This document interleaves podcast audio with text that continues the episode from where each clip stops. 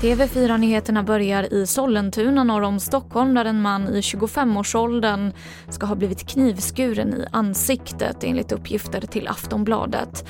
Mannen ska själv ha slagit larm om händelsen och skadeläget är oklart. I Libanons huvudstad Beirut har över 700 människor skadats under protesterna igår och en polis ska också ha dödats. Det här rapporterar nyhetskanalen Al Jazeera. Expressens utrikeskorrespondent Kassem Hamadeh är på plats i Beirut.